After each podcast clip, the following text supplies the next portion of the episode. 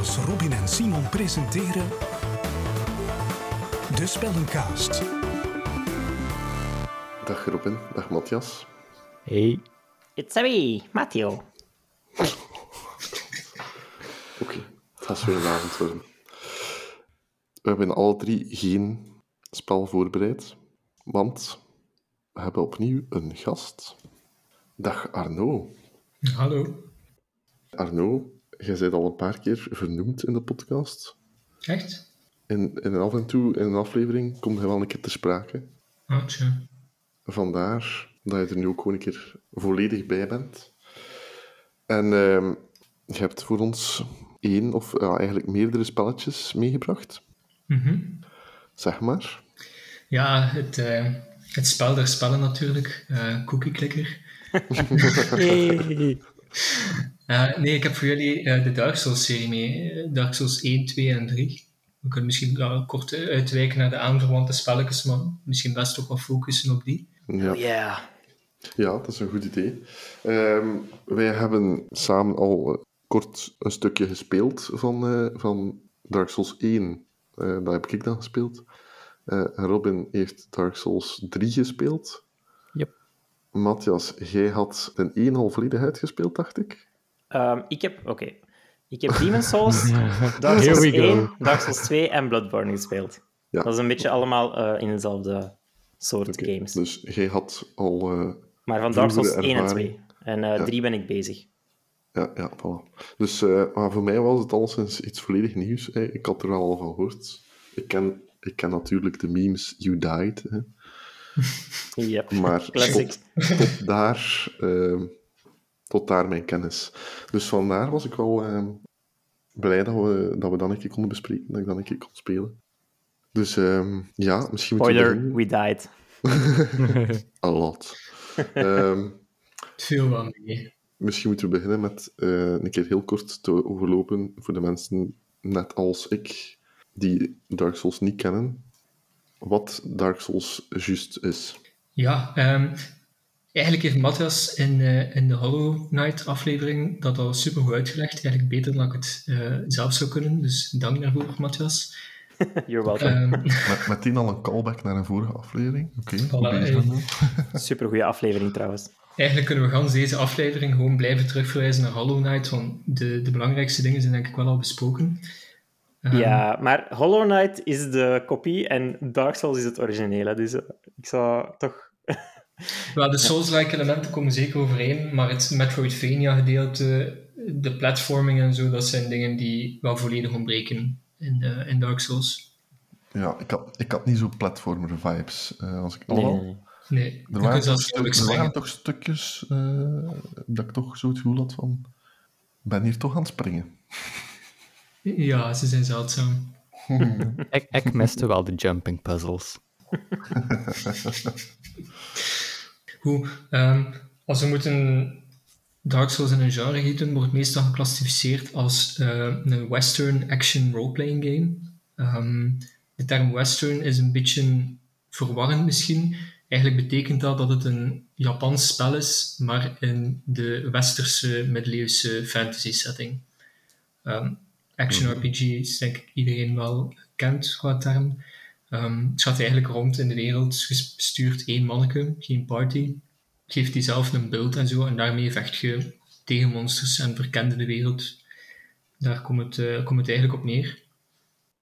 En inderdaad, gelijk dat je zegt, eh, de Hollow Knight aflevering, daar is al veel aan bod gekomen.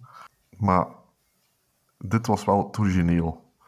Ehm, ik, ik heb het eigenlijk niet opgezocht, maar wanneer is Dark Souls 1 eigenlijk uitgekomen? Ja, de geschiedenis van, van hoe dat Dark Souls uitgekomen is, ehm, is wel wat interessant. Ehm ga ik even terug naar de vorige eeuw, 1995. eh, dus de, de ontwikkelaar was From Software.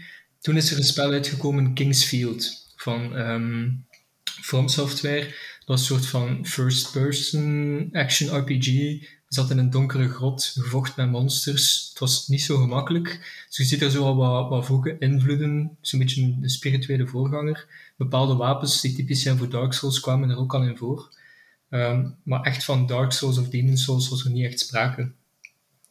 En dan even ehm, vooruit naar 2004, eh, een bepaalde man, eh, Hidetaka Miyazaki. Dat was een IT-developer en eh, die is veranderd van job. Die is bij From Software gaan werken. Uh, was toen maar 29 jaar aan het spel Armored Core. En terwijl dat hij daar uh, werkte, hoorde hij dat er een ander spel gemaakt werd, uh, Demon's Souls. En Demon's Souls, dat ging eigenlijk niet goed. Dus hij vroeg zelf dat hij kon overgeplaatst worden naar Demon's Souls, omdat hij wat op zoek was naar een spel dat hij zelf kon maken. En hij, hij hoorde dat het faalde, dus hij, hij zag daar een goede dacht kans. Dat hij het wel kon redden. Hij dacht dat hij... Er, allez, hij zag daar de kans om zelf iets op te starten. Mhm. Um, het bedrijf had ook zoiets van, ja, dat spel is eigenlijk geflopt. Laat het hem hebben en als het op niets uitdraait, verliezen we er ook niets aan. Dus hij is overgeplaatst naar Demon's Souls. Hij heeft eigenlijk um, het volledige spel bijna geschrapt, is volledig opnieuw begonnen. Um, en daar heeft hij echt zijn eigen filosofie in gegoten. De filosofie van het zelf ontdekken. Die filosofie die zo typisch is voor die Soulsborne games. We kunnen daar straks nog wel op terugkomen. Um, dat spel is in Japan eerst uitgebracht door Sony. Um, maar op voorhand wouden ze niet zeggen tegen Sony dat het eigenlijk een moeilijk spel ging zijn. Omdat ze bang waren dat Sony hem ging boeien en het makkelijk ging, maken, ging moeten maken. Ja, dus ze maar hebben dat nooit hè? zeggen. Ja, um, het kwam dan uit op gamebeurzen. Um, de mensen probeerden het zo een keer, 20 minuutjes, een half uur, en eigenlijk waren over het algemeen teleurgesteld. Sony heeft het uitgebracht in Japan. De, de sales waren niet goed. Um, en Sony heeft dan ook beslist om het niet buiten Japan uit te brengen. Um, Oh. Gelukkig is From Software dan wel met uh, Atlas en um, Bandai Namco in zee gegaan om het in Europa en in de VS terug uit te brengen. Mhm. Oorspronkelijk was het daar ook niet zo goed onthaald, maar beetje bij beetje begon het zo toch wat naam te maken van ja, dat ene moeilijk spel daar op de markt en, en er begonnen zo wat Mm. meer mensen geïnteresseerd te geraken. Zo'n beetje cult, eh, cult following, zo. In het begin wel, ja, maar toch... Is het echt wel zo moeilijk? Ja, inderdaad, het intrigeerde mensen wel. Dus En het stond daar echt onbekend. Hè. Dat, dat, werd, dat ging echt rond van deze spel is zo hardcore dat het bijna belachelijk is. Mhm. Eh, Ja. Dus dat, dat was inder- dat, inderdaad zoiets mysterieus en intrigerend, denk ik, waardoor dat mensen dat wel eens wilden testen. ja, dus de sales zijn dan ook heel geleidelijk aan wel beginnen verbeteren, totdat ze eigenlijk goede verkoopcijfers begonnen halen. Ehm, nu, Sony had gezegd dat ze eigenlijk niks meer met Demon's Souls te maken hebben, Ehm, maar Bandai Namco, ja, die, had er, die had heel goed verkocht in Europa en die kwamen opnieuw bij From Software van wilde daar een opvolger van maken. Hidetaka Miyazaki die wou dan Dark Souls, eh, Demon's Souls 2 maken, sorry. Maar ehm, Sony die had de rechten nog op Demon's Souls, dus ze moesten van naam veranderen. Ehm, eerst wou hij dan het spel Dark Reign maken, naar de Dark Sign die je krijgt als je vervloekt bent in het spel. Maar dat had in het Engels zo wat ongepaste connotaties, ehm, dus hebben ze de naam veranderd naar Dark Souls. Dark Souls is uitgekomen in 2011 ehm, tussen een aantal andere grote bekende spelletjes, maar ze deden toch iets volledig anders. En eh, het is vrij snel aangeslaan, het is populair geworden. En eh, de rest is geschiedenis. Hè? Dus eh, Dark Souls 2 en Dark Souls 3 zijn ondertussen ook uitgekomen. Eh, Bloodborne heeft de studio nog uitgebracht. Sekiro. ehm, Elden Ring recent nog opnieuw een kaskraker geweest. Ja. Mhm. En een remastered van zowel Da- eh, Demon's Souls als Dark Souls ook nog. Ja, inderdaad. Ehm, ze hebben ook allemaal DLC gekregen. Het is ondertussen toch een van de meest invloedrijke series geworden. Ja, het, Ehm, komt, het heeft veel invloed. Hè. Allee, het komt in veel media terug. Hè. Ja, Ja, zeker. En, en zoals ik ook zei tijdens de Hollow Knight aflevering, het heeft zijn eigen genre gewoon weg eh, Mhm. ontwikkeld. hè. Souls-like is een genre geworden daar, waar veel spelletjes nu allee, invloeden van, van eh, Dark Souls gaan, gaan halen eigenlijk. Ja, klopt. Absoluut. Ja, ik, had, ik had nog nooit Dark Souls echt gespeeld, maar ik wist wel wat dat was. Hè. Allee, ik bedoel, ik wist wel het, het soort spel dat was en, en dat zo hardcore is en dat ik weet niet veel doodgaat. En dat kun, je, dat kun je niet van onderuit. Als je iets van gaming volgt, dan, dan komt het er sowieso mee in aanraking. Nee, het heeft zelfs eh, buiten het Souls-like genre, heeft het de meeste genres denk ik wel eh, veranderd. Als ik zo terugkijk naar de jaren 2010, toen wij allemaal zelf zo wat begonnen in games te geraken. We hadden in de action RPG had ze wat de, de hack-and-slash games, de button mashers. Ehm, maar de combat zoals deze, dat was er niet echt. En dat begint nu, moet dat precies in elk spel gestoken worden. Ja, Ja, ja, oké. ik denk dat je daar wel gelijk hebt, inderdaad. Zo die snappy reactive combat, Ja, dat, maar dat is nu een beetje de standaard geworden. Ja, Ja.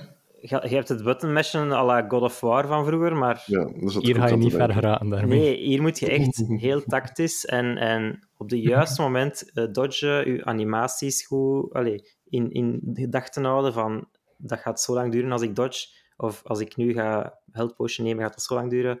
En ben ik voor zo lang vrij allee, om gehit te worden.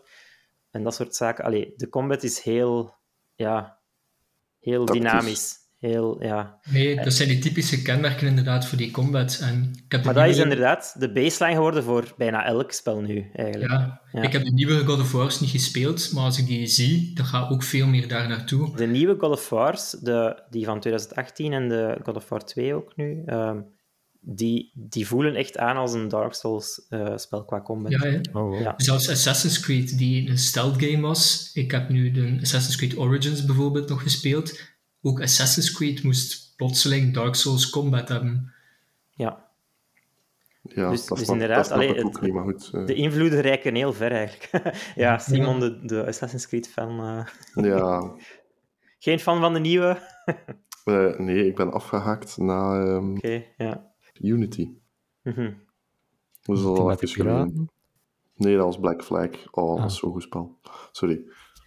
Daar komt, daar komt nog een volgende aflevering over. Dus, eh, Eerlijk gezegd, eh fan zijnde van Assassin's Creed en van Dark Souls Combat, vond ik de Dark Souls Combat in de nieuwere Assassin's Creed games ook niet goed. Dus, dus we kunnen allemaal bashen op de nieuwe Assassin's Creed. voilà.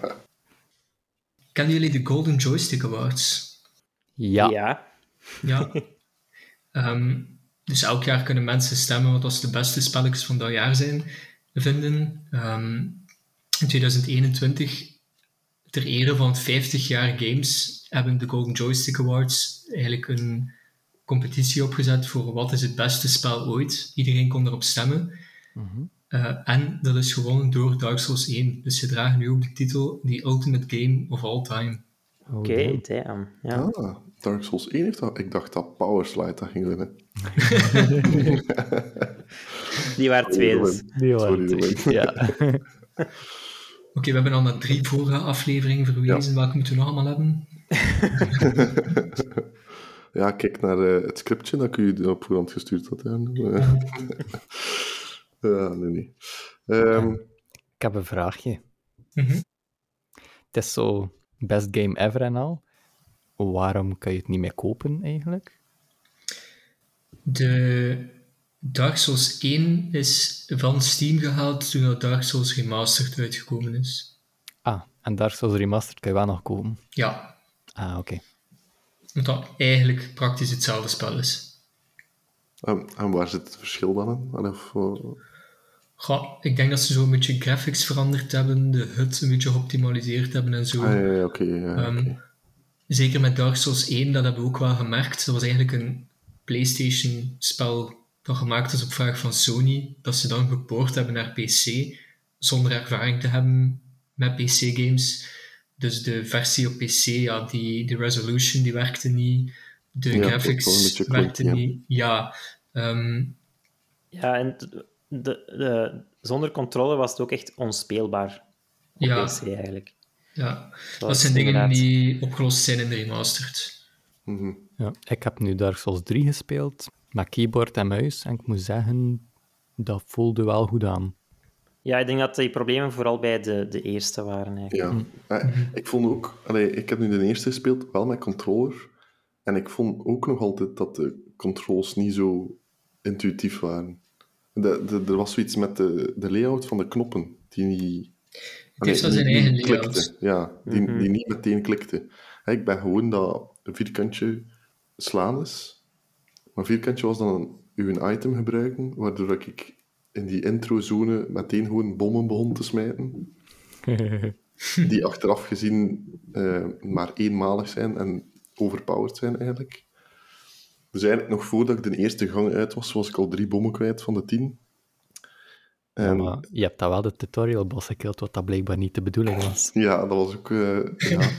Ah ja, ik had de, de bommen was eigenlijk het enige dat ik zeker wist waar dat zat op de controller. Dus ik dacht, ik ga hier wel bommen smijten. Ja, je hebt eigenlijk die bos was niet gehit met een wapen, hè. Het gewoon vier bommen Nee. gesmeten. Ah ja, waarom zou ik er dicht in de buurt gaan staan?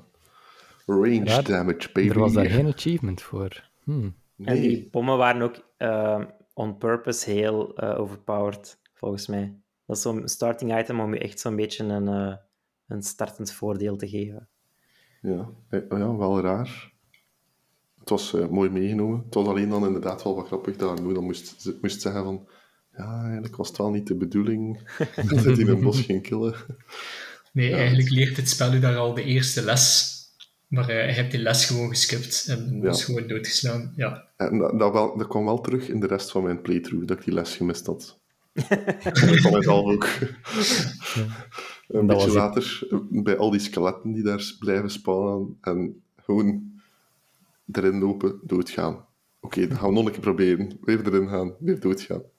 En ja, ja, ik heb er toen ik zelf begon te spelen, heb ik eh, tegen diezelfde skeletten zes uur en een half staan vechten. Ik ging dood, ik Dedication. dacht, Dark Souls is een moeilijk spel. Het is normaal dat dit moeilijk is, dus ik bleef gewoon tegen die skeletten vechten. Levelen, levelen, heel traag, beetje bij beetje, tot ik na zes uur en een half zoiets had van, allee, dit kan toch echt niet normaal zijn. En dan zocht ik het op van tips on how to start Dark Souls. Bleek dat ik totaal de verkeerde richting was uitgelopen. Net zoals dat bij u eigenlijk het geval was. Hè? mhm. En plots was de Ja. andere richting kei makkelijk omdat je al level 30 waard of zo. Ja, ja, inderdaad. Robin, je hebt Dark Souls 3 gespeeld. Is uw playthrough Ja. gelopen? Ehm, goed. Ja, ik ben maar hoeveel? Zeven, acht keer dood gegaan. Viel zeer goed mee. Ja, Ja. ik werd natuurlijk wel een beetje gecoacht met, door jou. Ik moet wel zeggen, als, als je door het level ging, eh, pre de eerste bos dan, hè, al de, de gewone vijanden en zo, Ja. het leek alsof je het al had gespeeld. Vond ja. Het ging goed. Het ging Ja, veel beter dan dat de mijn eerste keer ging. En ik kwam van Ja. Dark Souls 1 en Wel, 2. dat stuk voor de eerst- eerste bos was ook shit easy. je moest gewoon links klikken en dingen gingen dood. Je zou ervan verschieten voor veel mensen dat dat niet zo makkelijk is zoals dat voor u was. Ah, ja. Oké. Ehm, maar ik heb ook ervaring in games like Dauntless en Chivalry. Dat is ook een Ja, beetje ja. reaction en dodgen en op tijd je shield en Mhm. openings. Dus ik weet niet, misschien daarvan al een klein beetje ervaring. Ehm, maar ja, dan kwamen we aan de eerste boss, hè. Mhm. Uh, vol goede moed erin gaan. De, het was wel cool omdat de area er zo verdacht uitzag. En dan zag ik al die bloedvlekken op de grond.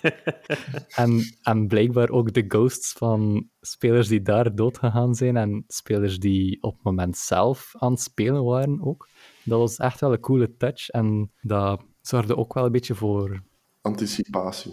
anti en een gevoel van, what the fuck, waarom hadden die ineens zo massas weggeslingerd worden of in de lucht gaan vliegen? Wat gaat er hier gebeuren? Mhm.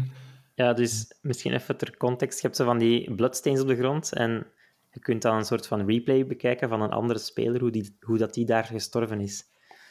Is dat, En- iets, is dat iets uit Dark Souls 3 alleen, of zat dat, zat dat er ook al in? in eh, Nee, dat zit-? Nee. Ah ja, nee, dat zit, ehm, dat zit in al die spelletjes. Eh, dat komt ook terug in de lore, maar zo de... Je je speelt eigenlijk in een multiversum of zoiets. En elke speler die een playthrough start, heeft zijn eigen universum waarin dat hij de protagonist is, de chosen one. Nee. Maar de tijd en ruimte zijn zo allemaal een beetje distorted aan het geraken en die planes beginnen zo te intersecten met elkaar. En daardoor kun je eigenlijk glimpsen van andere mensen in een wereld en de nieuwe zien. Dus je kunt bijvoorbeeld een cool. boodschap op de grond schrijven, maar dan, en dan komt die ook effectief in de wereld van iemand anders. Of je kunt Nee. effectief zelfs overgaan naar de wereld van iemand anders. Ja, maar dat is enkel in een 3. Nee, dat is 1, Ah, 2, oké. 3. Ik denk ook Demon's Souls. Ook Demon's Souls, ja. Dat is eigenlijk echt typisch voor een Soulsborne eh spel. En dat is ook een van de dingen wat dat het voor mij zo typeert en het zo allee, de, uniek maakt of zo. De innovatie die dat dat ze daarin gevonden hebben in hun online features. Mhm. Want ook al is het een singleplayer game, voelt u eigenlijk nooit alleen. Maar wel, dat had ik nu wel bij mijn playthrough. Maar dat was misschien gewoon omdat er niemand was.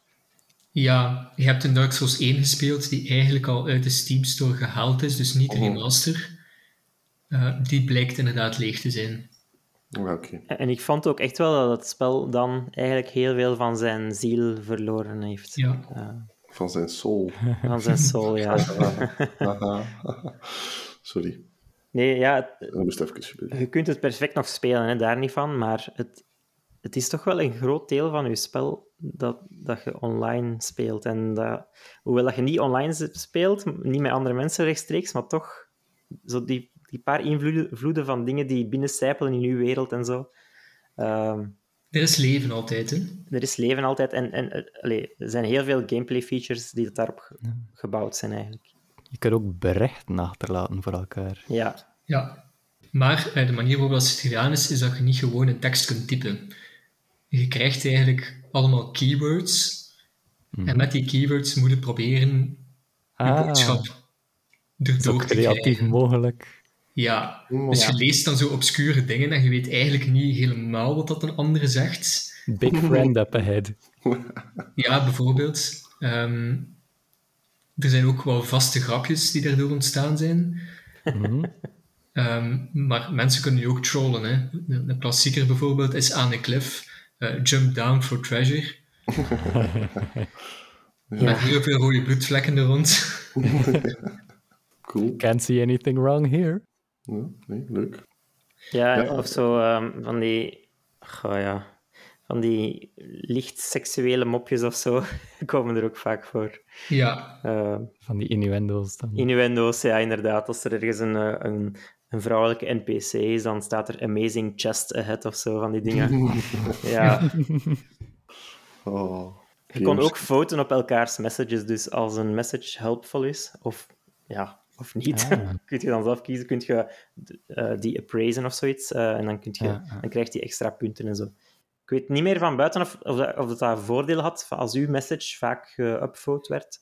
Ja voor elke upvote eh krijg je, ik ben nu aan het twijfelen, een eh, humanity of een charge van uw Estus terug. Oh, oké, ja. Dus als je ergens een goede message had gelaten, kon je zo aan het spelen zijn, in een moeilijke bossfight zitten en plotseling kreeg je zo'n gloei rond u en die een bonus midden in de fight. Dat was wel cool. Ah, ja, dus super cool eigenlijk dat je ge- gereward wordt voor anderen te helpen ook. Hm. Ja. Cool. Maar anderen helpen. Eh, in mijn playthrough had ik dat ook gedaan. Een ghost gesummoned van een andere player. Ja, Dat is dan live dat je iemand anders uit jouw spel kan halen om te helpen als ally. ja. Dus dat is co-op. Dat zijn mensen die ervoor kiezen, vrijwillig, om u te komen helpen. Ze krijgen er ook een reward voor als jij dan de boss verslaat. Ja. Dus als je ooit echt vastzit in het spel, kun je altijd een andere speler, of zelfs meerdere andere spelers erbij halen. En plotseling, ja, is het makkelijk geworden. hè. Dat was wel tof dat dat kon. Maar langs de andere kant was het ook een beetje jammer. Want als het dan zo een redelijk goede player is, heel de weg was voor mij gekleerd. Ik moest zelf niks meer doen. Mhm, ja. Je kiest natuurlijk wanneer dat je dat doet. Het is dat, hé. Ehm, het is volledig je eigen keuze voor er iemand eh, anders bij te halen. Mhm. Tenzij dat je geïnvade wordt, natuurlijk. Ja. Ook een mechanic die we misschien eens moeten uitleggen.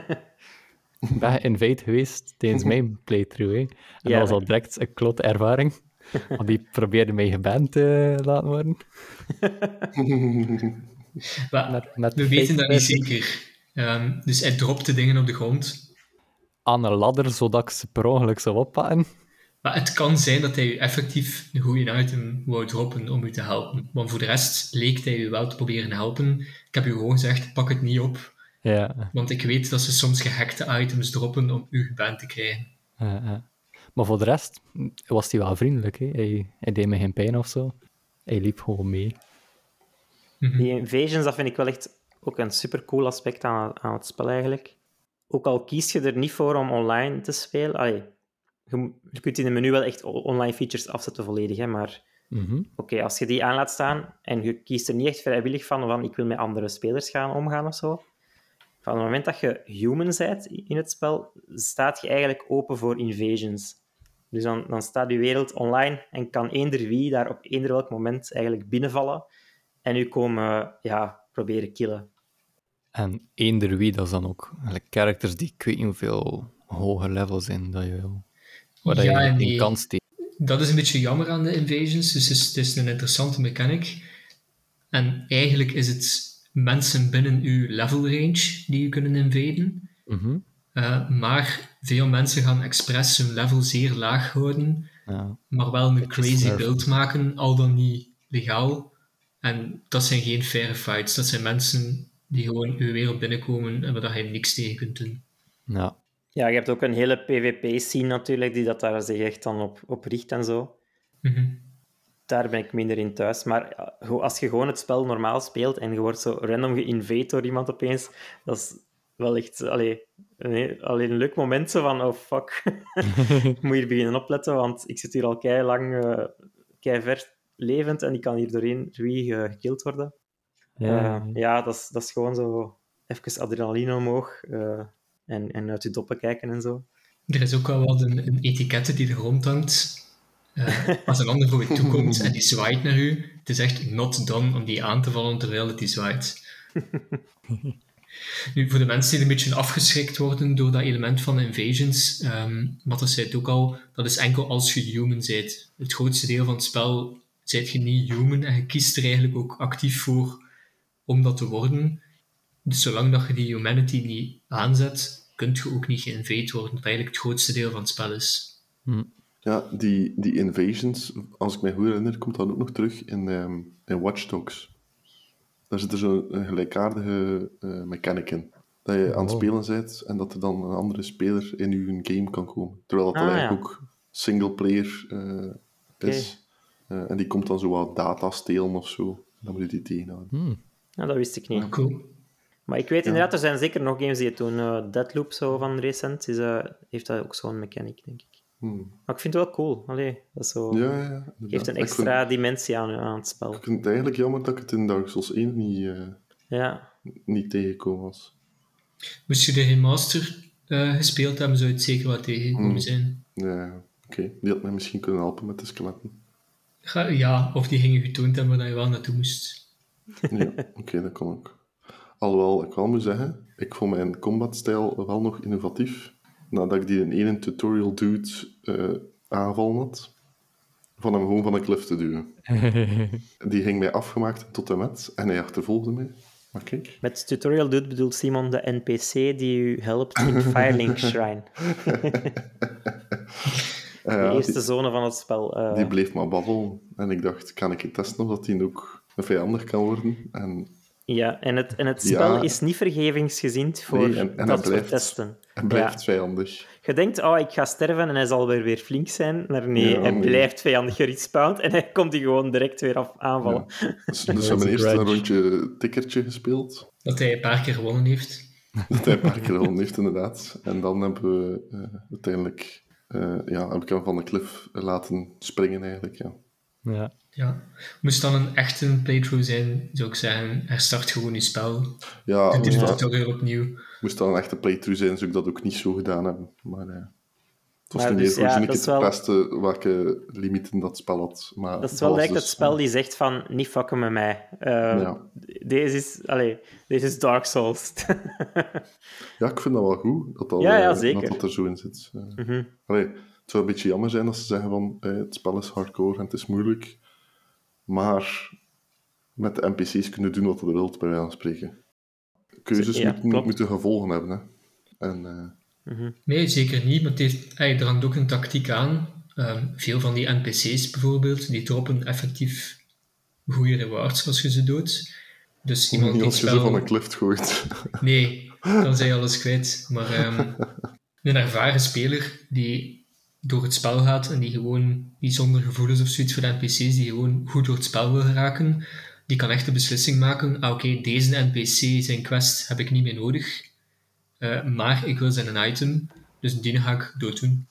Ja, En dan Leg dat maar een keer uit als een vrouw en kinderen. En zo zijn er effectief armor sets en, en wapens die je enkel eh, op die manier kunt krijgen. Hè. Ja, toen dat we het daar straks hadden over mijn playthrough, zei ik wel dat dat eerste stuk shit easy was. Maar dan kwamen we bij de, bij de boss. En dat was niet meer shit easy.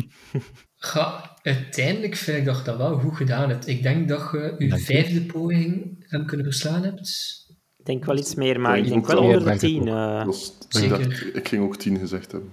Wat dat... ja, voor je eerste Dark Souls experience is dat wel echt goed. Maar het ging ook zo heel... Het was een rollercoaster, hè. De eerste keer was het shit, de tweede keer was het al een beetje beter. En er waren af en toe momenten dat ik er gewoon in ging. Alles ging verkeerd. Ja, fuck this. Ja. Maar dat is ook wel. En als Ja, jij Het is al... een proces, hè. Ja, ook in late game, als je naar een bos gaat en je verslaat die een bos van de eerste keer, dan is dat geen goede bos. Je gaat inderdaad de eerste keer 20% van die zijn HP kunnen afdoen. Ja. En dan slaat hij gewoon op twee hits dood. Maar elke keer dat je binnen gaat, gaat dat iets beter. En inderdaad, gemiddeld na 5 à 10 keer, soms 20, soms meer, heb hem dan. Dan, ja, Dat is wel iets waar ik ook wel een vraag over heb.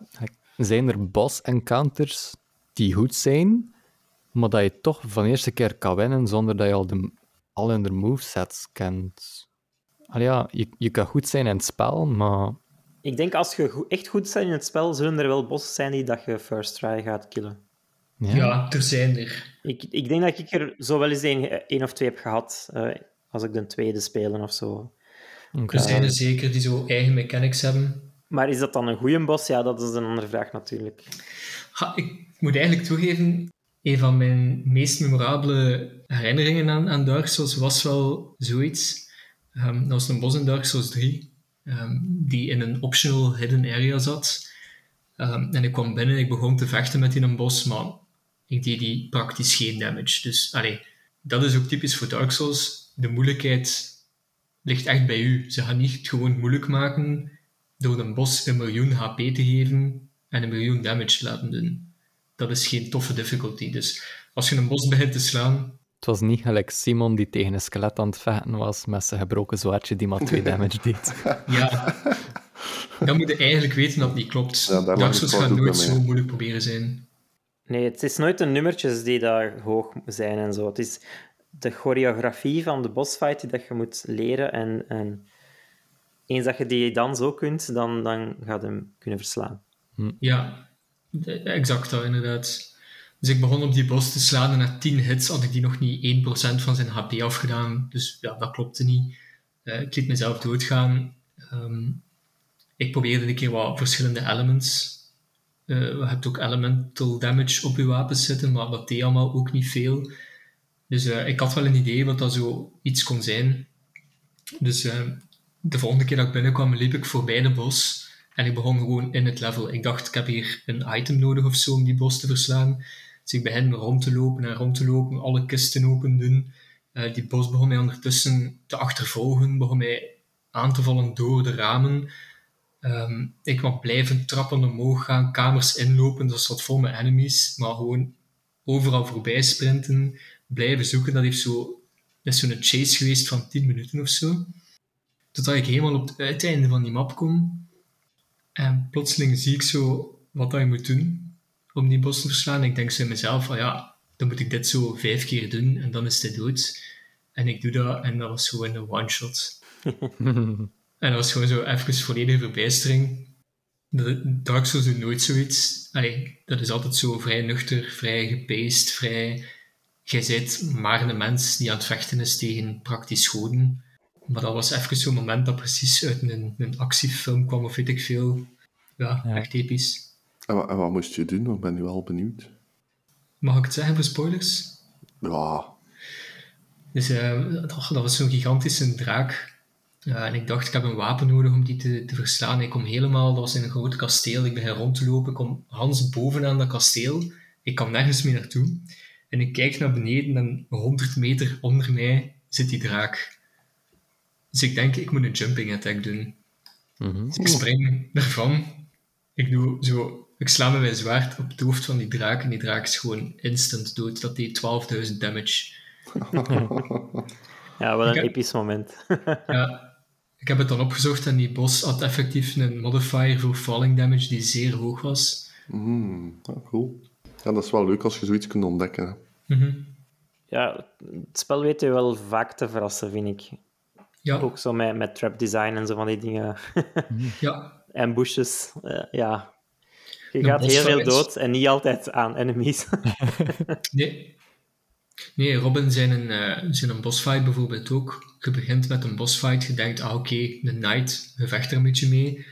Halfweg de fight verandert de fight plots. ja, De transform. phase 2. Ja. Ja, we hebben dan bijvoorbeeld ook nog even zitten kijken naar eh, een bossfight met Matthias. Halfweg de bossfight stort de arena gewoon in. Valt je 200 meter naar beneden samen met een bos en vecht je verder in de put. Ja, dat was wel cool. En inderdaad, je hebt zo het gevoel van, oh, het gaat goed. Hè? Die eerste phase lukt precies wel. eh, Ik heb de bos wat door. En dan geraakt je eindelijk eens ver genoeg door zijn HP-bar om, om phase 2 te zien. Dan is dat opeens weer zo van, ah, terug van het begin. Ja. Ja, Ma- Matthias, zat je dan een beetje in de put? Oh, Simon, doe dat niet, doe dat niet. Oh. Maar Sorry. not gonna lie, Dark Souls heeft weird ass bosses. De, ja, ja. Hij is op Blijft zo'n Japans spel. De Japanse invloeden boom zijn... eh, met ja. testicles. What the fuck? You haven't seen anything. Nee. Maar ook wel echt epische vijanden, vind ik. Allee, zo. Inderdaad, Ja, ja, ja. het design gaat van hier naar daar en echt all over the place. Maar er zijn echt een paar zo van die echt large-scale gevechten dat, je, dat echt super episch zijn gewoon. Dan ook zo nog een keer zo die, die muziek daarachter, zo echt een, een koor dat aan het zingen is. En, allee, ja, Mhm. Mhm. echt alles heeft zo epische proporties wel, vind ik. Ja, de, de muziek, mm, allee, dat komt hier gelijk elke aflevering ook wel terug, maar eh, de muziek moeten we eigenlijk ook wel even eh, een keer bij stilstaan. Ehm, ik denk dat het in mijn playthrough was dat je zei, van, dat je zei als we daar juist in die... eh allee, Matthias heeft de naam daar juist gezegd. Firelink Shrine. Firelink, Ja, als we daar kwamen, dat je zei van, en, en wacht hier nu even en luister gewoon even naar de muziek. Zijn er zo nog momentjes dat, dat echt... Ga, de muziek in, in Dark Souls, het kan zijn dat ik mij vergis op bepaalde plekken, maar als je gewoon door een level gaat, heb je vaak geen muziek. Ah ja. Maar als je dan in een bossfight komt, begint plotseling inderdaad zo'n episch, dramatisch, orkestraal ja, nummer echt op de achtergrond. Dat is echt die, plotseling die adrenaline die opkomt vanaf dat je die muziek begint te horen. Dat is wel iets zeer typisch. Mhm. De muziek waar ik uw aandacht een beetje op gevestigd heb in Firelink Shine, dat is iets anders. Dat is een heel rustig melodietje. Mhm. Dat begint eigenlijk gewoon een paar noten, die allemaal zo heel lang worden aangehouden. Heel sereen. Firelink Shrine is eigenlijk zo'n beetje de centrale hub in gans Souls. Je blijft daar ook naar terugkomen, gans het spel. En het is ook zo'n beetje een plek die veilig is. Oh. En je zit dan zo heel lang aan het doorgaan, constant aan het doodgaan. Je komt maar geen checkpoint tegen. Eindelijk raakt het tot gans het einde van 50 enemies. Je doet een deur open en plotseling staat het terug in Firelink Shrine.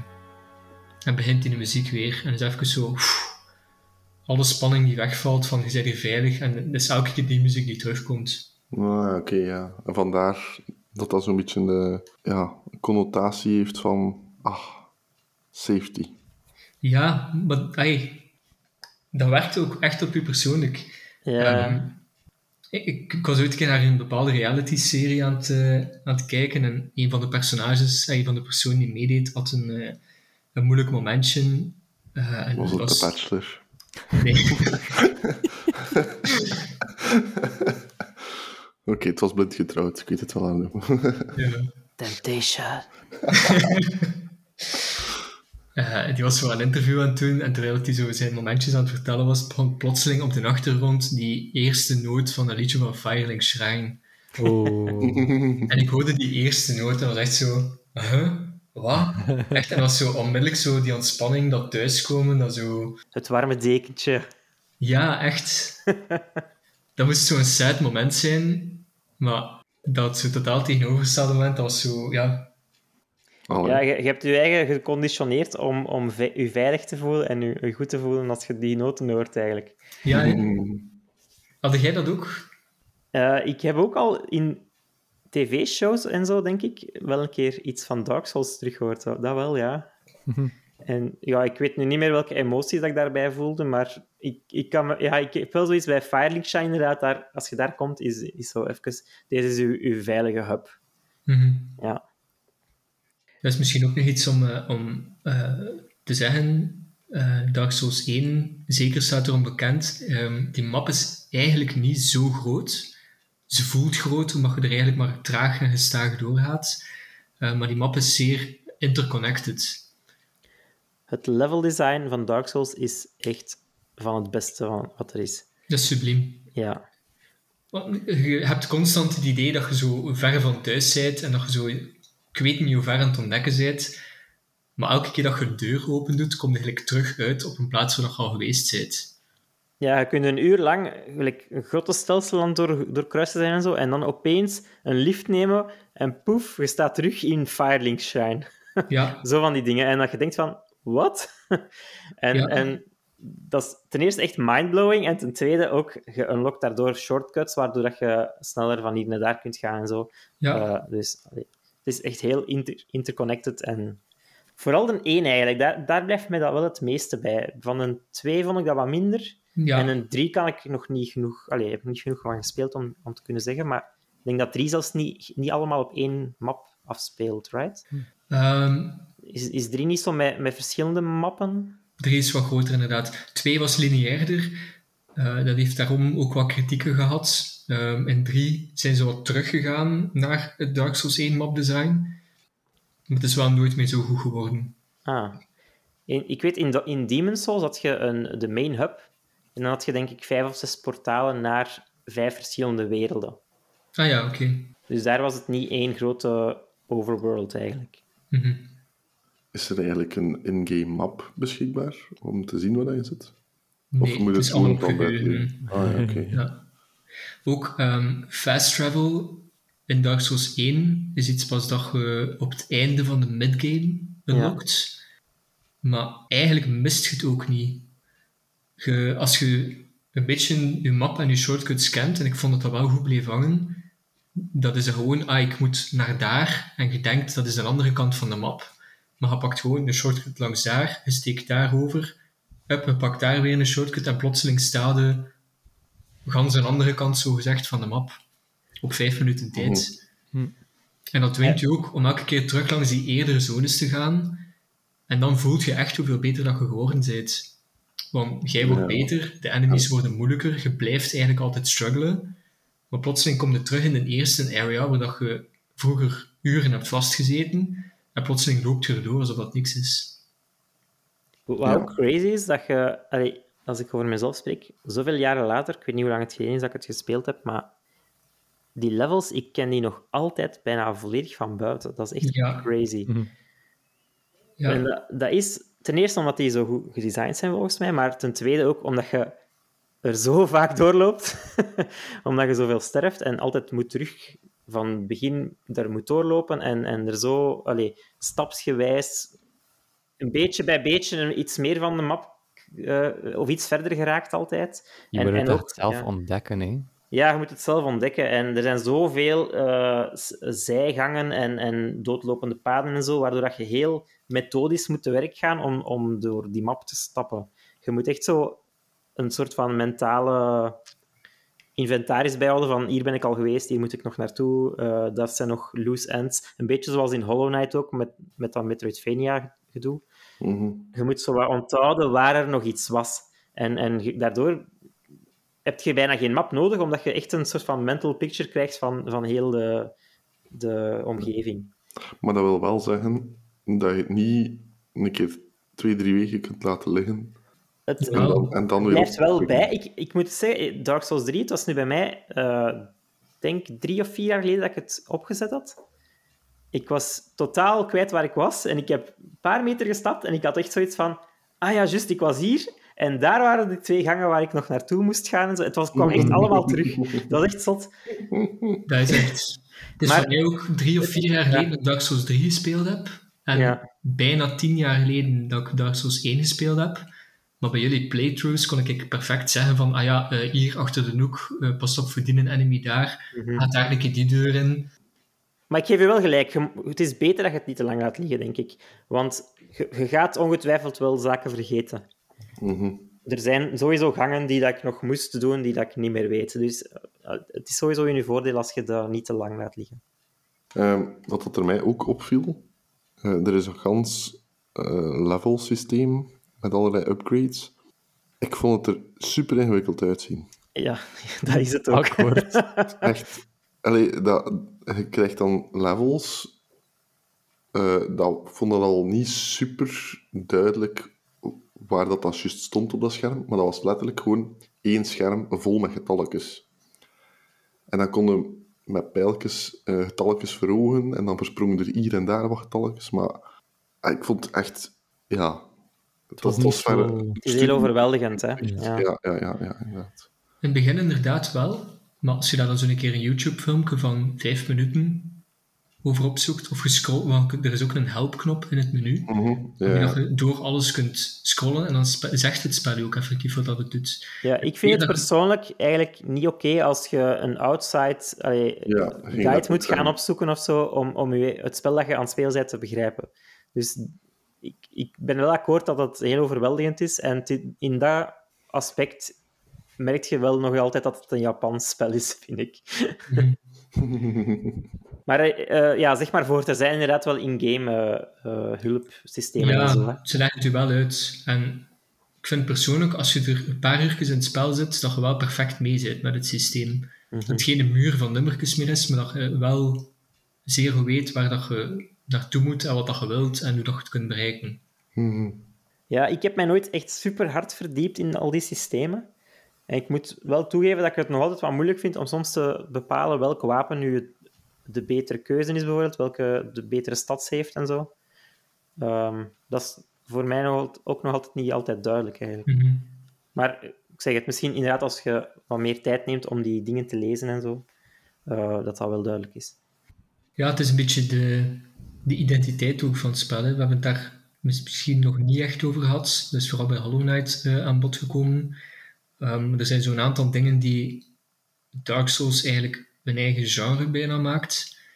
Het draait allemaal een beetje volgens de developer Miyazaki over ontdekken.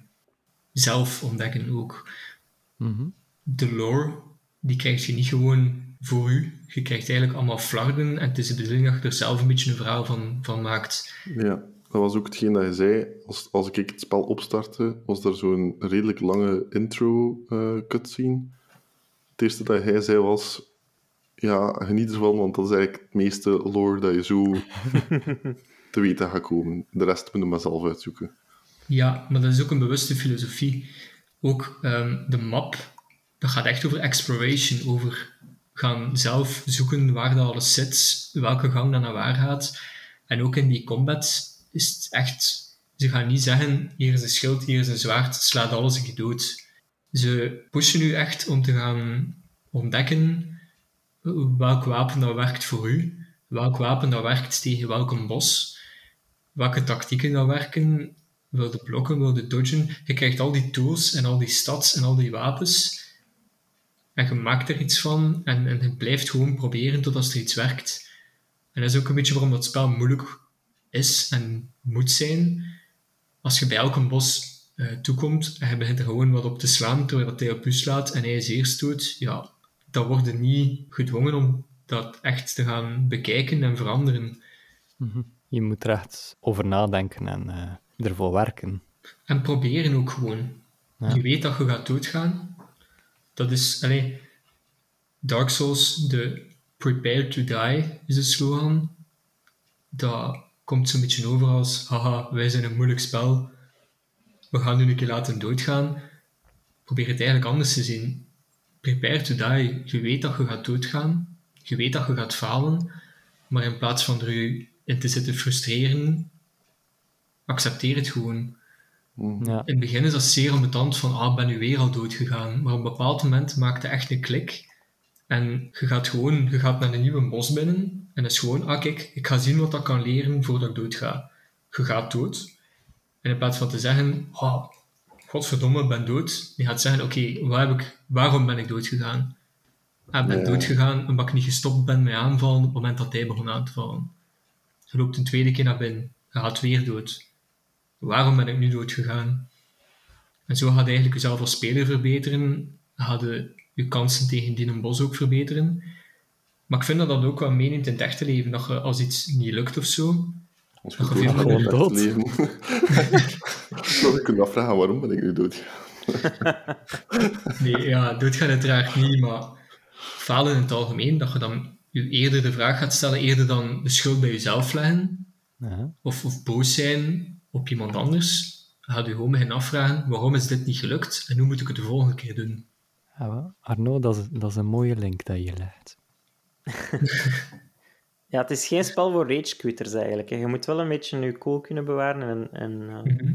Maar je leert dat ook wel, vind ik. Ja, ja, zeker. Maar je moet wel met die instelling starten aan het spel van ik ga sterven en ik, ik ga veel iets moeten herhalen en blijven proberen.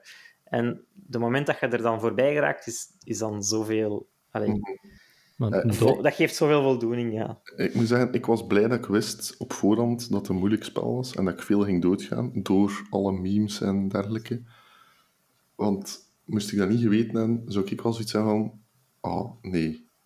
Vergeet Mhm. het. Eh, dat is niet voor mij.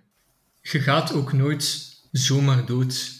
Als je doodgaat, is het eigenlijk altijd je eigen schuld. Eh, Ja.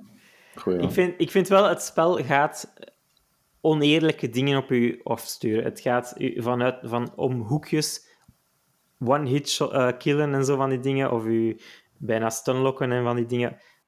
Er gaan onvermijdelijke dood, doden zijn, allee, deaths zijn, maar je kunt daar wel uit leren en die de volgende keer vermijden. Alles is vermijdbaar. er is geen ene dood in het spel die je niet kunt vermijden. En inderdaad, ja, de eerste keer dat je iets tegenkomt, is normaal dat je er tegen doodgaat. Maar om, er zijn bijvoorbeeld als, allee, kisten die je open doet en die gewoon in je gezicht ontploffen of zo van die zaken, dat kun je niet vermijden zo- zonder dat je het een keer hebt voorgehad, snap je? Nee, je komt het een keer voor, maar Ja. de keer daarna hadden alle De keer daarna is het proberen. vermijdbaar. Nee, dat is het. Allee, je kunt... Inderdaad, de eerste keer is dat... Ah ja, oké, ze hebben mij. Maar daarna ligt het gewoon aan u. En als je dan doodgaat, Ja. je hebt de reflex van gewoon te zeggen... Hoe had ik hier anders kunnen doen? Mhm. En doodgaan is eigenlijk ook niet zo'n grote afstraffing. Hè? Het is gewoon een beetje progress dat je verliest en enemies die respawnen. Maar Ja. verlies je anders nog iets? Nee, je bent je punten kwijt en dan moet je die terug gaan oprapen. Ah, dus dat helpt wel, zodat je je niet super slecht voelt voor dan een keer te gaan experimenteren met een andere aanpak. Of Ja, doodgaan is gewoon ook een deel van het spel. Ja, Ja, ik, ik, heb, ik heb het gevoel dat we die mechanic misschien nog niet, niet volledig hebben uitgelegd. Kunnen verwijzen naar de Hollow Knight. Ja, het is, het is redelijk gelijkaardig, hè, maar dus je verzamelt souls en zo, terwijl je aan elke enemy dat je killt, krijg je wat, wat souls, dat is je currency. En wanneer je sterft, laat je die ook vallen op de plaats waar je gestorven bent. En eh, dan spawnt je eigenlijk terug in de, de laatste bonfire waar dat je aan gerust hebt. En op dat moment zijn alle enemies terug. Moet je heel het level eigenlijk bijna volledig opnieuw doen. En als je dan aan je, aan je plaats van je dood geraakt, krijg je je souls terug. Eh, als je nog eens sterft en daar niet geraakt bent, dan zet je ze voor altijd kwijt. Ja. Maar ook daar, prepare to die. Weet dat je gaat doodgaan. Loop niet met 100.000 souls op zak een nieuwe Ja. bossfight binnen. Altijd nadenken, inderdaad. En altijd op je hoede zijn en, en risk-reward afwegen en dat soort dingen. Hè. Ja, als je een volledig nieuwe area binnenloopt met superveel souls en dan gaat het dood, ja oké, je hebt dat risico zelf gepakt. Mhm. Maar Ja. het is de essentie van het spel ook, zolang dat je blijft proberen, kun je het halen. Ja. Dat komt ook wat terug in de lore. Eh, ik weet niet of we het over het verhaal moeten hebben. Nog even over dat blijven proberen. Ik weet niet of dat iedereen in staat zal zijn om het uit te spelen. Maar ik denk wel dat de meesten het met genoeg doorzettingsvermogen wel gaan halen. Ja, Nee, en, en doodgaan is echt een onderdeel van het spel. Het is niet jij die Ja. als speler haalt, maar jij die als speler beter gaat worden. ja. Oké. Dan misschien nog eh, kort een keer over de lore hebben. We hadden al gezegd dat er eigenlijk vrij weinig allee, lore echt aan u verteld wordt. Dat je het echt gewoon zelf moet zoeken. Maar in, in grote lijnen het verhaal. Allee, misschien de eerste vraag is, eh, het Dark Souls 1, 2 en 3, zijn dat echt eh, qua lore ook sequels? Of zijn dat wel zijn dat spelletjes in hetzelfde universum, maar hangen ze niet echt aan elkaar? Nee, dat gaat effectief door één verhaal. Ah ja. Met wat tijdsverschil. Demon's Souls en Bloodborne bijvoorbeeld, dat zijn echt aparte universums. Met hun eigen lore en zo. Ehm, Ja, dus ehm, de lore wordt inderdaad niet gewoon allemaal verteld. Ehm, dat gaat eigenlijk een beetje terug naar Miyazaki zelf ook. Eh, als kind was hij volledig in de ban van die, die westerse middeleeuwse fantasy en hij las heel veel boeken. Maar die boeken waren allemaal in het Engels en hij sprak niet zo goed Engels. Hij probeerde dat toch en hier en daar begreep hij wel zo een paar woorden, maar zo flarden van het verhaal verstond hij niet. Dus hij vulde dat dan zelf in en maakte daar een beetje zijn eigen verhaal van. En dat heeft hij ook proberen doen met Dark Souls. Dus ehm, overal droppen ze zo wat flarden van een zeer groot, zeer uitgediept verhaal. En het is eigenlijk aan de spelers om dat zo zelf een beetje uit te vullen. En wij kunnen dus dezelfde dingen tegenkomen en dan toch een, andere, een ander verhaal rondmaken. Ehm, dat is wel zoiets typisch voor, voor de lore. ja, dat is weer zoals in Hollow Knight ook, die environmental storytelling ook vooral. Hè? Ja, zeker. Dus ja, heel goed opletten op de omgevingen en de scènes en de namen van objecten enzovoort. En, en zo alles eigenlijk een beetje in elkaar laten vallen. Mhm. Er, zijn wel, ehm, er zijn wel mensen die zich echt bezighouden met de lore. Het zijn zo'n aantal YouTube-kanalen. Eh Vati Vidya bijvoorbeeld komt eh, in mij naar boven. De Ashen Hollow hebben denk ik ook. Die eigenlijk een volledig kanaal opgebouwd hebben met al die, die achtergrondverhalen proberen samenplakken. Eigenlijk alle item descriptions en conversations met NPC's beginnen samenplakken en zo eigenlijk verschillende verhalen er wel kunnen uithalen. En zo ja, komt er toch een beetje consensus over wat dat het verhaal eigenlijk is. Cool. Ja, het is altijd leuk om zo die, die eh, lore-dingen te, te checken, want ik vind het altijd heel moeilijk om, om zelf een compleet beeld te krijgen. En, en als dat zo'n beetje community-funded is, wa- waardoor dat er veel ideeën samenkomen, krijg je toch wel een, een iets completer beeld van heel het verhaal. Ja, wat dan tof is, als je bijvoorbeeld eh, een bepaalde quest of een bepaalde bos gedaan hebt, je hebt zowel een beetje een idee wat er daar gaande is, eh, door de environment inderdaad. En als je dan naar zo'n filmpje gaat kijken, dan beginnen er wel veel puzzelstukjes in elkaar te vallen van ah, daarom dat en daarom dat. Ja. En ook zoals gezegd, eh, heel veel item descriptions ook hè, in dit spel. Dus eh, alles wat je opneemt heeft een beetje lore, tekstje dat je kunt lezen en zo. Ehm, dat is niet voor iedereen weggelegd, maar als je daar de tijd voor wilt nemen, dan ga je heel veel van de lore ook eh, op die manier kunnen. Dat vertraagt natuurlijk wel het spel wel Ja, aanzienlijk. Hè? En als je dat niet wilt, heb je die YouTube-kanaal die eigenlijk alles voor u samenzetten in een filmpje van 15 minuten bijvoorbeeld. ik, wil, ik wil misschien een, een voorbeeldje geven uit Bloodborne. Dat is misschien niet super relevant voor deze Dat is serie. niet waar het over gaat. Hè? Ik weet het, maar het is, het is heel gelijkaardig. Eh, op een bepaald moment krijg je een soort van muziekdoosje van een of andere NPC. En, en in die description van dat item staat er van, dat dat van de moeder en de vader is van eh, dat meisje, eh, een muziekdoosje. En dan de namen ook van die ouders, eh, Viola en Gascoigne. En een tijdje later komt je een bos tegen en die heet Gascoigne. Dus als je die twee dan kunt samenleggen, ehm, heb je zo weer iets van lore bijgeleerd en zo. Maar ook, je kunt dat musicboxje gebruiken. En als je dat doet tijdens die bossfight, dan gaat, gaat hij ook echt even stunt zijn van hé, hey, dat muziekje ken ik. En dat, dat geeft je dan ook een voordeel in het gevecht. Ja. Eh, ja, en ook een voordeel echt eh, voor u als je, die, als je die puzzelstukjes in elkaar kunt leggen. Dat is wel cool. Ja, voilà. Dus dat soort lore-dingetjes, al- als je heel oplettend bent, kun je daar ook je voordeel mee doen. Dus dat- ik vind dat wel super cool. Ja.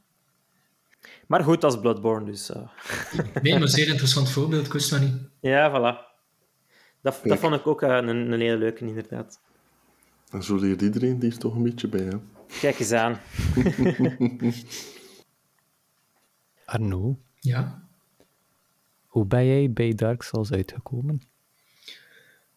Goh, ik heb daar niet echt een goed verhaal over of zo. Ehm, Vaak ja, had ik een spel uitgespeeld en was ik op zoek naar een nieuw spel. En als je dan begint op te zoeken naar wat zijn goede spelletjes, ja, vaak kwam ik wel op Dark Souls uit. Mhm. En dan keek ik wat reviews van Dark Souls. En dat was gewoon van, ja, je gaat veel dood en het is moeilijk. En ik dacht, ja, waarom zou ik dat willen spelen? Dus zo- ja, eigenlijk omdat ik hoorde dat het moeilijk was en dat veel ging doodgaan en ik kwam van andere spelletjes waarin dat, dat niet zo was, Mhm. dat eigenlijk nooit gekozen of zo.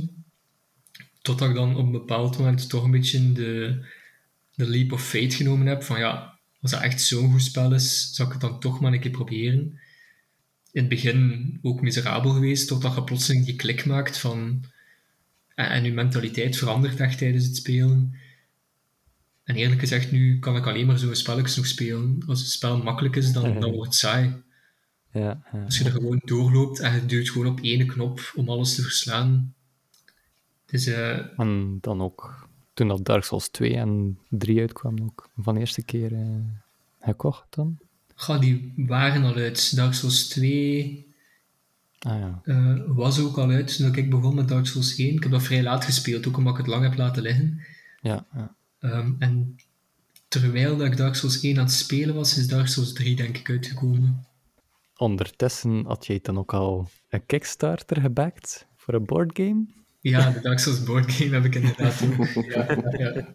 De Dark Souls card game heb ik ook. De Bloodborne board game heb ik ook. Hij is al ingegaan op zijn fandom. Uh, capturen die games al zo'n beetje de essentie van Dark Souls? Of is het vooral eh, op de lore dat ze leunen en En de herkenning? bosses en zo. Ehm, ik denk dat Bloodborne de boardgame meest aansluit bij de spelletjes, maar dat kan ik niet echt zeggen, want ik heb Bloodborne zelf nooit kunnen spelen omdat ik geen PlayStation 4 heb. Mhm. Ehm, de Dark Souls boardgame wijkt wat af, maar het is een degelijk spel op zichzelf. Ja, Ja. ja misschien nog even over wat dat Dark Souls dan zo goed maakt. Waarom dat we zo blijven naar terugkeren, ondanks het feit dat het toch moeilijk en ja, lastig is of zo. Mhm. Ehm, is, is ja, de rewards die je krijgt als je dan zo'n bos eindelijk kunnen killen hebt. Ik kwam ook van, van de... Het voelt goed. Ja, hè? Dopamine. Ja, als je zo... We hebben het net ook over God of War gehad. Dat was dan ook een van de eerste action-RPG's geweest dat ik speelde. Permanent worden dat zo wat gerusht met dopamine. Zo permanent flashy acties. Ah ja, duw op die knop, duw op die knop. En ondertussen gebeuren fantastische schermen. Ze geven je zo permanent zo dat dopaminegevoel, maar door al die jaren ja, zwakt dat wat af. En Dark Souls doet dat toch op een andere manier. Ehm hebben toch echt zelf verdiend. En zeker zo een bos dat je 20, 30 keer moet proberen hebt. Je hebt echt elke aanval onder de knie je, doet je dodges perfect en je hit die dan echt juist op het laatste moment en die is, die is eindelijk dood. Dat is toch een, een gevoel dat je niet zomaar met een ander spel kunt, kunt recreëren. Ja, je gaat jezelf als speler heel goed voelen en, en zo echt het gevoel van I did this en, en ik heb hiervoor gewerkt en Ja. ik, ben, ik ben goed, zo dat gevoel. Ja. Ja, het Ja. spel gaat de verantwoordelijkheid van al die dingen ook bij de speler gaan leggen, maar dat zorgt er dan ook voor, als het eindelijk lukt, dat het ook wel door u is dat het gelukt is. Niet omdat je een lucky draw gehad hebt of weet ik veel, het is echt jij die het gedaan hebt. Mhm. Wat vonden jullie ervan? Wel. Ik ben heel benieuwd wat Robin gaat zeggen. Ik heb al een keer gespiekt op Steam. Eh, ik heb gezien dat niemand verder gespeeld heeft.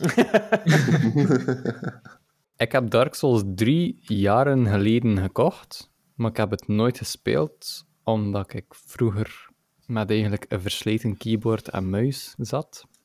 Mijn muis bij één keer klikken op de linkerknop, eh klikte die 1, 2, 3 of 4 keer.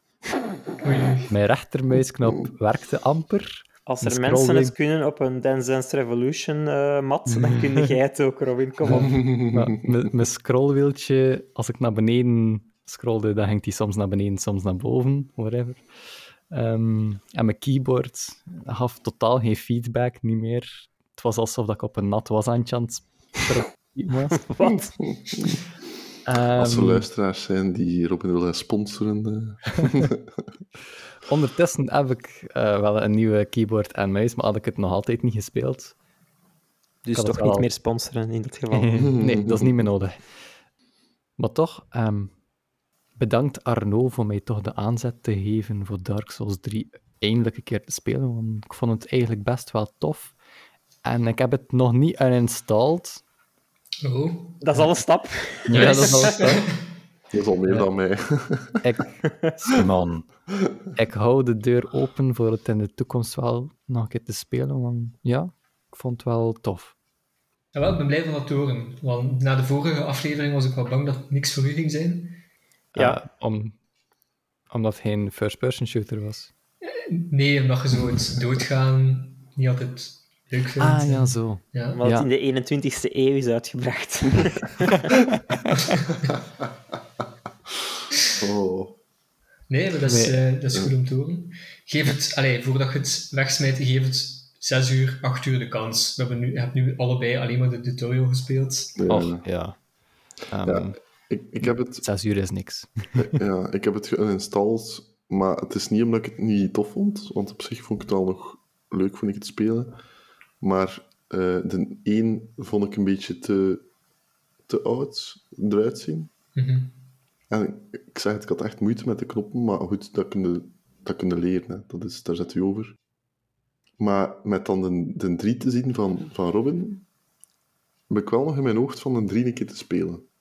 Het enige Ja. dat mij dan wat tegenhoudt, is dat ik, dat ik het jammer vind dat ik de 1 en de 2, allee, dat ik daar misschien iets ga missen of zo. Dus misschien dat ik eerst daar een keer een, een recap van opzoek of zo. En dat ik, dat ik er mij dan een keer aan zet. Op zich, op zich van ik het, ik heb het verhaal van 1 en 2 gemist. Maakt niet zoveel uit, denk ik, want je gaat het verhaal waarschijnlijk toch maar half begrijpen en zo. Maar je gaat het verhaal van de 3 ook missen als je Ja, voilà, ah, wel, ja, in principe wel. Tenzij dat je echt eh, heel, heel zot eh, u daarin gaat verdiepen. Maar eh, Ja, allee, ik denk, denk dat dat sowieso een beetje Mhm. ehm, secundair is, het verhaal. Ja. Wel, maar kijk, ik moet zeggen, ja, het staat wel op mijn lijstje van nog te spelen games. Dat is een lijstje dat alleen maar groeit wel. Dus Ja, eh, ja. als ik ooit heel veel, heel veel tijd heb. Het is, eh, het is daarom ook een beetje dat ik jullie 1 en 3 laten spelen heb. 1 is echt het spel der spellen. De, dat is echt gemaakt op een niveau dat volgens mij niet meer geëvenaard is. Dus daarom dat ik het jullie wel de aanzet daarin wil geven. Maar ik wil je toch ook 3 tonen, wat 3 inderdaad er iets moderner en beter uitziet. Ja, verfijnder. Hè. Ja. Eh, 3 is ook iets flashier qua animations. mhm. En 3 heeft ook iets meer quality of life dan dat de 1 had. Als je het aan kunt, zou ik wel nog altijd aanraden van te beginnen met 1, gewoon omdat echt zo'n goed spel is. Ehm, maar speelt dan de remaster in plaats van de originele. ja. Of ja. als je de originele speelt, eh, er is een mod uitgebracht, DS Fix, die eigenlijk al die visuele problemen en zo verbetert. Dus je speelt dan op 60 fps, in fullscreen, en de lighting en zo is ook verbeterd. Dus dat scheelt ook wel eh, een pak. Ja, oké. Als jullie nog willen verder spelen voor de luisteraars, ehm, Dark Souls 1 heeft de beste map misschien van elk spel ooit, als ik zo bescheiden mag zijn. Of zo. Ehm, het is gewoon echt een classic. Dark Souls 3 is visueel iets aantrekkelijker. Geeft u van in het begin fast travel. Is iets minder punishing in sommige gevallen. Is zo iets toegankelijker misschien dan Dark Souls 1. Elden Ring is ook wel een aanrader. Ja, ik wou het zeggen. Ik denk eigenlijk, als je helemaal nog geen ene gespeeld hebt en je wilt gewoon even de beste experience, zou ik gewoon Elden Ring eh, Ja. doen. Ja. Elden Ring is eigenlijk een beetje gericht op de Ubisoft-fans, op de open world-fans, om die een beetje in het genre te krijgen. En Dark Souls 2 bestaat ook. Om, eh, ja, exact. Neusje van de bende. om Disney te parafraseren, we don't talk about Dark Souls, Dark Souls 2.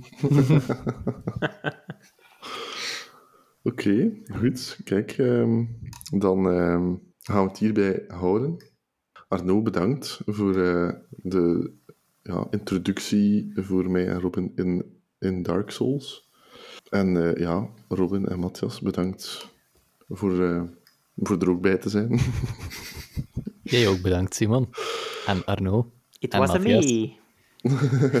Jullie bedankt voor de Instafame en de gift voucher van Steam van 200 euro.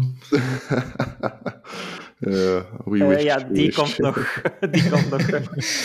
Nee, als longtime fan, tof om hier eh, ook een keer te zijn. Ik hoop dat jullie toch een... Longtime fan. Ah, we hebben hem gevonden, onze ene fan. Ja, nee, goed. Ehm, voor alle andere luisteraars, ehm, nog altijd, eh, zoals elke keer, liken, eh, delen, sharen, eh, retweeten, posten.